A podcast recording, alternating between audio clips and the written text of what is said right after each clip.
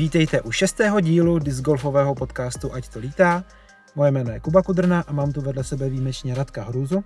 Ahoj, v dnešním dílu podcastu se budeme bavit o tom, jak hrát v zimě, jak se připravit na turnaj a něco si povíme o různých zábavných formátech hry. Dneska jsem si pozval tebe, protože Dan Konečný je zrovna zhruba v půlce zkouškovýho. Přesně tak, jeho sociální život je na bodu mrazu, jako každý semestr. Takže dneska se prostě budeme bavit my dva. Jo.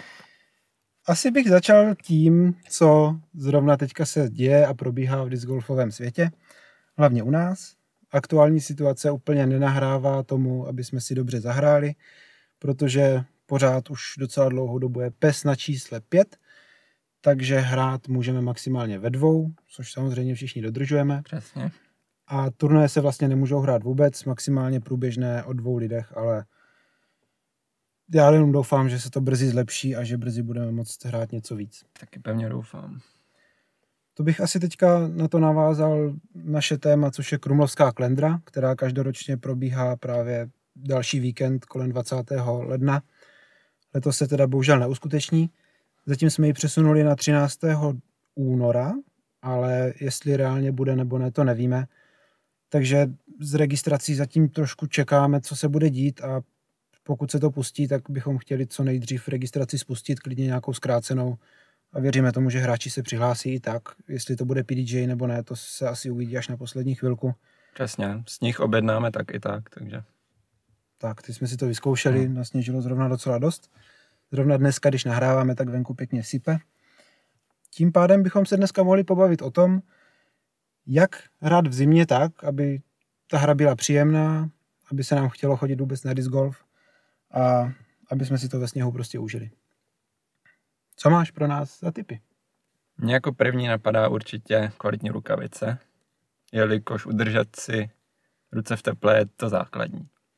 Za mě určitě palčáky, protože udržují prsty při sobě a jak by řekl Simon Lizot, tam prostě vzniká teplo. Taky jsem dneska to video viděl, jak radili, že si máme hmm. vzít palčáky.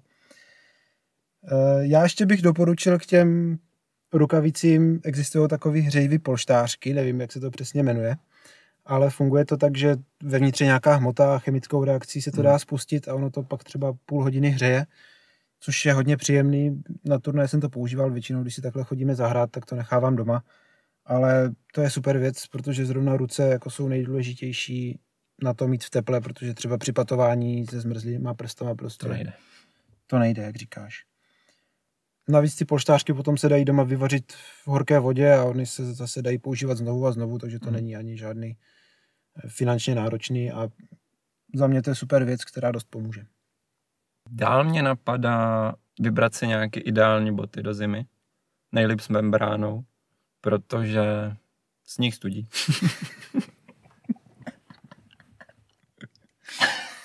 Ale máš pravdu protože je fakt důležité udržet si nohy v suchu a taky se dívat po takových botách, které mají kvalitní podrážku, jelikož v zimě ty výhoziště kloužou, je to namrzlý a dávajte na sebe pozor.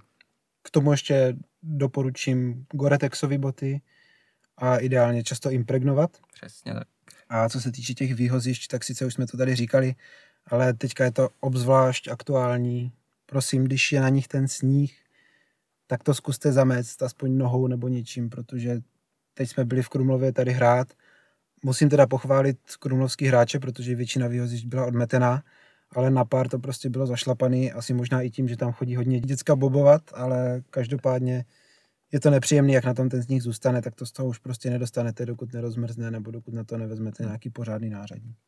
Do těch hodů se pak nedá vůbec opřít a nehraje se příjemně. Ještě když jsme u toho oblečení, tak bych určitě řekl, že je důležité mít termoprádlo, protože chcete, aby vám bylo teplo, ideálně úplně všude, to znamená termoprádlo, jak horní, tak spodní část se dost hodí. A ten cíl je ideálně mít na sobě co nejméně vrstev, co nejteplejšího oblečení, mm. tak mhm. aby se vám dalo dobře hýbat při těch hodech. Jako za mě je velký rozdíl, když si vezmu třeba termoprádlo, nějaký tričko s dlouhým rukávem a bundu, což je daleko příjemnější, než když si vezmu třeba normální tričko, mikinu a potom bundu, protože mm. ten pohyb je, je daleko horší.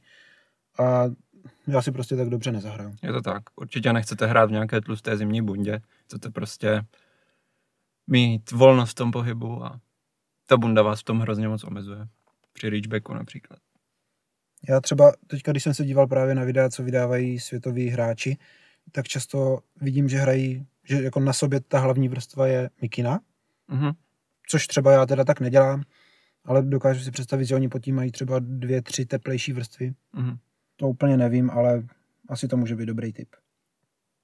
Další šikovnou pomůckou může být termoska s horkým čajem, který vás během kola udrží krásně v teple. Ještě k novinkám z posledních dní bych určitě dodal to, že Jakub Semerát, což je jeden ze tří nejlepších českých hráčů, se právě před pár dny stal členem týmu Latitude 64. Já vím, že už dlouho se vlastně o to snažil prosadit se do toho týmu, za to mu moc gratulujeme. Přesně tak. Gratulujeme Jakubovi. A tady je jenom vidět, že prostě tvrdá práce se jednou vyplatí a právě Kuba byl odměněný tady tímto sponzorstvím. Viděl jsem poslední dobou, že vydává hodně i videa na YouTube, takže se snaží zviditelnit vlastně nejen na hřišti při turnajích, ale i mediálně. Takže jen tak dál. Přejeme do dalších sezon hodně úspěchu. A pokud ten rating půjde nahoru, tak jako šel za poslední roky, tak si myslím, že můžeme čekat od Kuby velké věci. Potom ještě teda, když jsme u těch sponzorovaných českých hráčů, tak bych zmínil, že Bohdan Bílek a Krištof Novák zůstávají u Discmanie. Vím, že Bohdan to nedávno taky psal. A u Krištofa teda si nejsem úplně jistý, ale myslím si, že jsem poslední dobou taky viděl nějaký Mhm. příspěvek, že zůstává. No a za mě ještě otázka, protože to jsme pokryli většinu českých hráčů, ale pořád tady máme jednoho hráče, který není sponzorovaný, nebo o tom aspoň nevím, a to je Kuba Knápek. Máš pro to nějaké vysvětlení? Nemám, protože Kuba Knápek hraje fakt dobře. Zahrál tuším ratingově nejlíp hodnocený kolo v Česku. Na Chřibech tuším, 1062 nebo tak nějak. 1061 a loni vlastně zahrál taky nejlepší český kolo 1050 u nás v Krumlově. Což je neskutečné a pevně doufáme, že to Kubovi taky vyjde. Třeba se o něco snaží, jenom o tom nevíme. Mhm. Vím, že háže hodně Discmany i novou, tak třeba zkouší tam. Já bych mu to rozhodně přál, protože má Určitě. na to, letos ukázal, že má i tu konzistenci a na ratingu je to vidět, že jde hrozně nahoru. Takže pokud zatím není něco schovaného, tak si myslím, že nebude dlouho čekat na to, aby taky nějaký sponsoring dostal.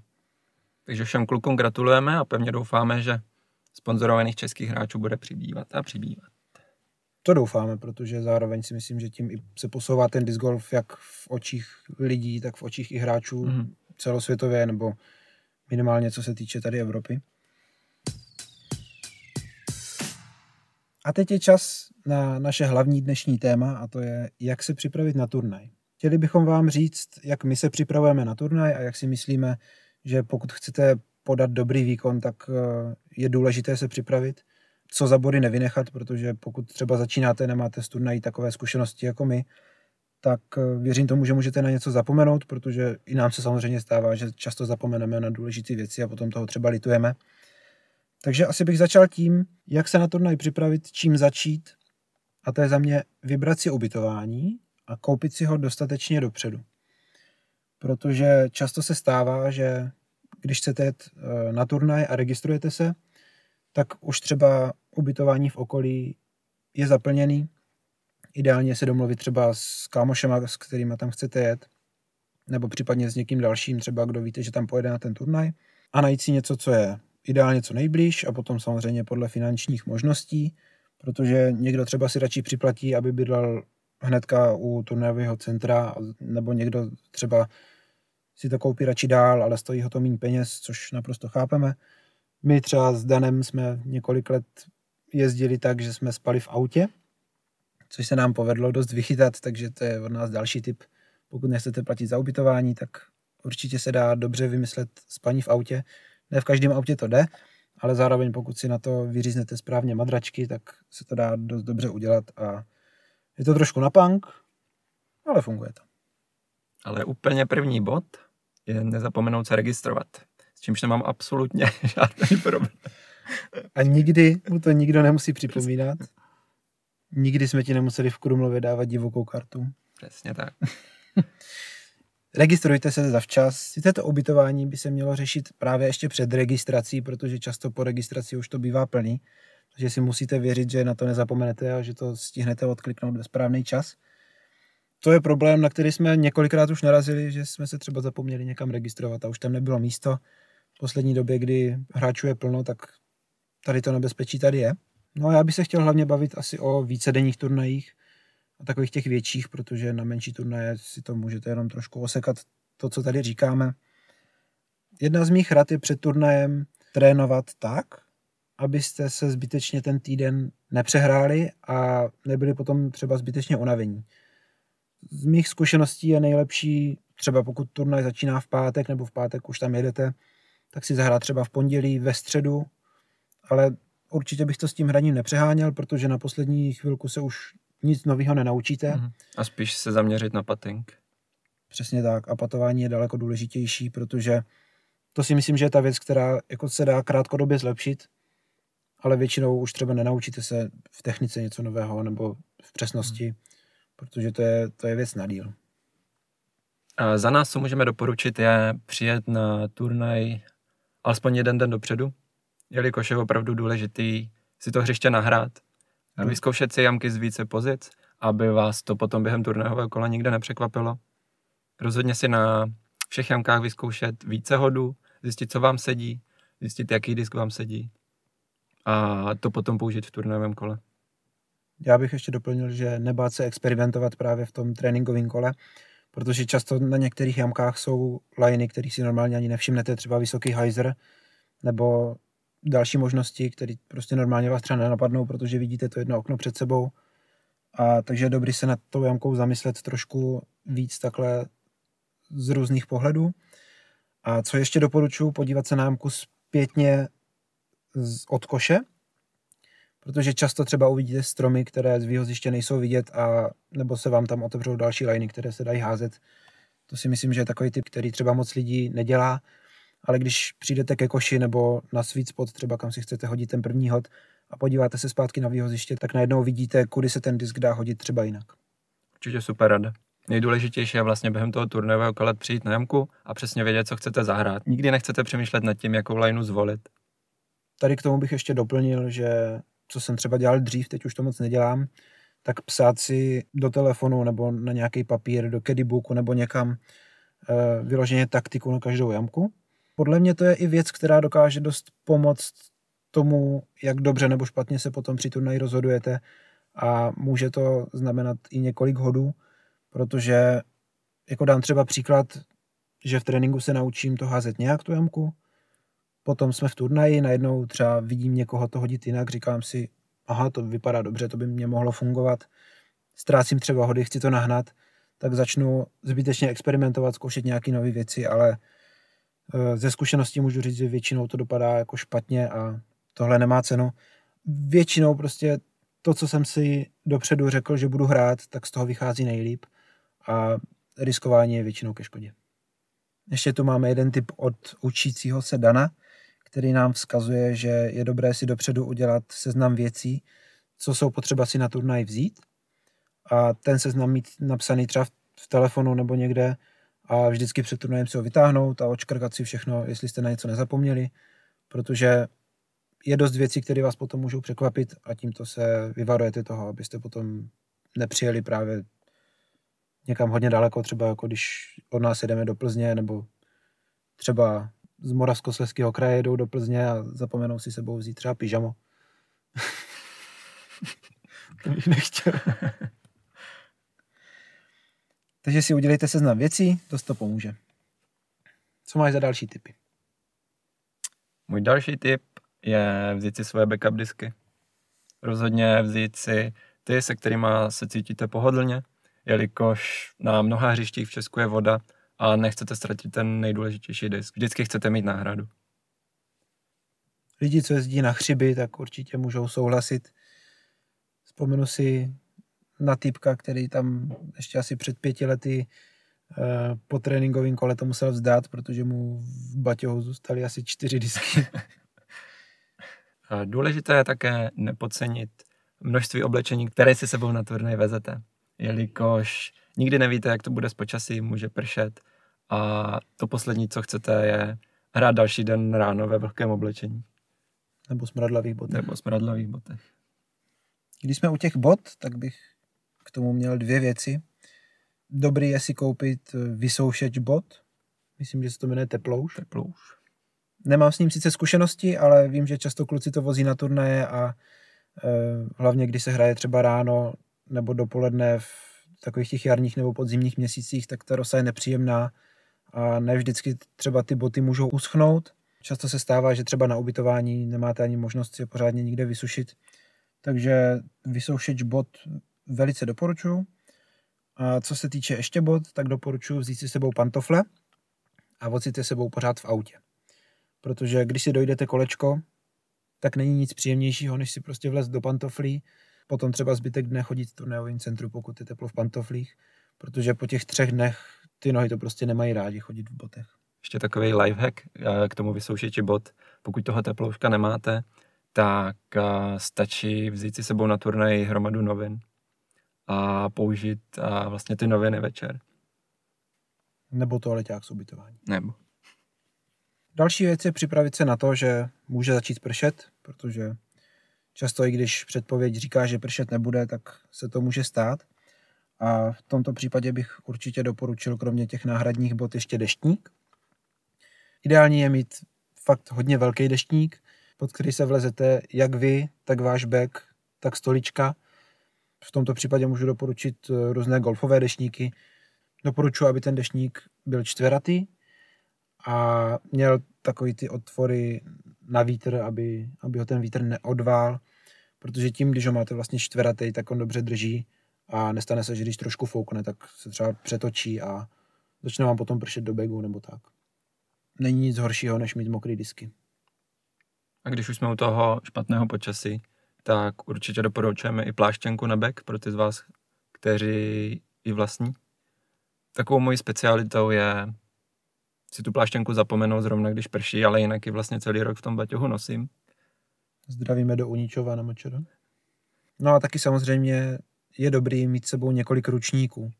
A když víte, že má pršet, tak si dejte do begu klidně tři, protože není to moc váha navíc, ale je hodně důležitý potom mít třeba právě suchý patry a tak dále. No a mám tady ještě poznámku od Dana, že si nemáte brát pláštěnku, že se v tom nedá hrát a že to je nejhorší věc, jakou si na disc golf můžete vzít. Jak jsme říkali, to řešení je deštník, protože zároveň si ho můžete jednou rukou držet nad sebou, když třeba patujete a když hážete, tak prostě musíte počítat s tím, že chvilku zmoknete, ale je fakt, že v pláštěnce se nedá moc dobře hýbat. To byste museli mít třeba hodně nepromokavou bundu, já třeba takovou nemám. Věřím tomu, že určitě plno z vás takovou má a že to funguje dobře, ale já jsem zatím s obyčejnou pláštěnkou úspěch rozhodně nenašel. Určitě také během kola nechcete trpět hlady. Je určitě super si sebou do begu vzít nějakou svačinku, ať už eh, například mysli tyčinku nebo dětskou výživu. Tím zdravím Petra Bujnoška do Uničova. Nejlíp tu s rákosničkem samozřejmě. Já ještě k tomuhle řeknu, že jsem měl osvědčil třeba banán. Sice musíte na něho být trošku opatrnější, ale já mám nejradši si takhle na kolo prostě koupit pár banánů a postupně jíst. A ideálně na ní zapomenout a všimnout si toho asi tak po dvou, třech měsících, když už to začíná smrdět. Já mám většinou hlad, takže tohle se mi nestává. Potom mě ještě napadá, že si můžete koupit celou okurku. Já si tam představil, jak se na tom vozíčku a hryže tu okurku. No a pokud chcete ještě nějaké další nápady, tak se můžete podívat na loňskou sérii Showmes, kterou vydával Jomes Pro. A tam, jak to, jak to tam bylo? Oni v každém díle soutěžili mezi dvěma, dvěma. nejlepšíma svačinkama na disc golf. A vyhrálo... Trail Mix, tuším. Což je taková směs oříšku a rozinek a lentilek. A... Chce to něco, co, od čeho si neumastíte ruce, a zároveň co má dobrou výživovou hodnotu. Ještě k tomu jídlu bych dodal jednu věc a to pokud vám to chutná, pokud to máte rádi, tak doporučuji něco jako manu, což je jídlo v prášku. Eh, často třeba na turnaji nemám čas řešit vůbec jídlo třeba po kole nebo před kolem, nebo právě i na kolo. Takže pokud vám to nevadí a máte to rádi, tak zkuste si koupit manu a zkuste si udělat to jídlo z prášku, protože to ušetří čas a můžete to popít celý den. Já třeba si nedávám jídlo mezi koly většinou, Taky. protože často je to něco třeba těžkého. Já jako samozřejmě nemám nic proti guláši z pěti, ale dát si to v sobotu po prvním kole a hned na to jít hrát další kolo není úplně nejpříjemnější. Takže já to většinou řeším tou manou, že si udělám ráno třeba víc porcí a potom v průběhu dne to vlastně piju. Výsledek je ten, že nemám hlad a zároveň se cítím, že nemám plný břicho a tím pádem se mě hraje dobře. A potom večer se samozřejmě spráskám nějakou dobrou večeři. Během letních veder určitě doporučuji taky nějakou přikryvku hlavy, ať už je to kšiltovka nebo jak tady Kuba nosí klobouk, jelikož to hřiště určitě nechcete na konci například tréninkového dne opustit s úžehem a z turné tak nic nemít. Pak je tady ještě otázka opalovacího krému, co si o to myslíš, Kuba? No, já si o tom myslím svoje a ještě tady mám od Dana Konečního poznámku další. Vzkazuje, že se radši spálí, než aby měl mastné ruce od toho krému a že tak zahrál dva turnaje a tak strašný pocit na prstech ještě nikdy neměl, protože dřív nebo později si prostě na to tělo šáhneš a zamastíš se. Takže když někdo třeba na začátku kola se chce natřít krémem a řekne si, že potom po zbytek kola vlastně eh, na to nebude makat, nebo teda ještě líp někdo další ho namaže, aby si vůbec ruce tím krémem nezamazal, protože to pak klouže na diskách, tak eh, vím, že se třeba stane, že v půlce kola si člověk na to nespomene, šáhne si třeba na krk, kde právě je namazaný a potom už to má na těch rukou a dostat to potom z těch ruk tak, aby ty disky neklouzaly, je hrozně těžký. Takže na jednu stranu samozřejmě nechceme, abyste se spálili, ale na druhou stranu víme, že právě tady používat krém je dost ošemetný a musíte si na to dávat hodně bacha, abyste potom nebyli zamazaní i na rukách. A pokud máte problém jako já, že se vám během letních kol potí ruce, tak určitě můžu doporučit nějaký vysoušeč rukou. Může to být například Birdie Bag nebo Wellsex. Ten je mezi prohráče velice populární a opravdu to funguje a já si bez tohoto letní kolo osobně nedokážu představit. Já takový problém třeba nemám, ale vím, že hodně lidí má. Poslední dobou se právě Walesex dají u nás koupit, myslím si, že na Prodis Golfu a nevím, jestli ještě někde jinde. Takže není to úplně drahá věc a vydrží to dlouho a doporučuji. Další věc, co mě napadá, je vzít si sebou na turnaj židličku. To je trošku takové spornější téma, protože vím, že jsou tady lidi, kteří nemají rádi, že profesionální sportovci chodí právě po turnajích a sedí na fairway na židličce. Eh, což chápu, s tím souhlasím. Na druhou stranu eh, turnaje hrají i hráči, kteří třeba jsou amatérští nebo nehrají tak často, nemají tak dobrou kondici. Takže jako já sám židličku někdy používám, poslední dobou teda se přiznám, že čím dál tím míň, ale při dalších turnajích to určitě může pomoct, zvlášť pokud nejste třeba dobře trénovaní, tak je příjemný si jednou za čas sednout. Další věc teda ještě bych řekl, že tím, že jsou turnaje v parku a na různých místech, tak tam jsou často i lavičky, takže jak říkám, většinou si tu židličku sebou vezmu na turnaj, ale poslední dobou ji spíš nechávám na pokoji nebo v autě a beru si ji třeba jenom potom Eh, když je večer nějaká akce nebo třeba meeting. Ještě k tomu ubytování. Určitě je důležité soustředit se na to, vybrat si to ubytování fakt co nejbliž hřiště. Umožní vám to se tak v klidu nasnídat, v klidu potrénovat a nemusíte ve stresu řešit cestu zpátky na hřiště každý den. Plně nakonec tady mám ještě pár dalších poznámek a to nezapomeňte si takové ty věci, které nesouvisí s disc golfem, ideálně eh, hygienu, kartáček na zuby a takové další věci, protože to potom nemusíte nikde řešit a kupovat si nové. A co třeba mě se osvědčilo, tak beru si na turnaje polštář, na kterým spím doma, protože vím, že se mě na něm spí dobře a nehledě na to, na jakém ubytování potom spíme, tak se vždycky vyspím pohodlně a taková drobnost jako polštář se do auta vleze a za mě je to věc, která hodně pomůže tomu pohodlí a tomu dobře se vyspat. Tímto jsme dnešní témata podcastu vyčerpali. Díky Radkovi za to, že přišel nahradit Dana. Myslím si, že jsme si to dost užili. Já díky za pozvání, bylo to super a Danovi přeju úspěšné složení zkoušek. A my se uslyšíme u dalšího dílu podcastu Ať to lítá. Ať to lítá.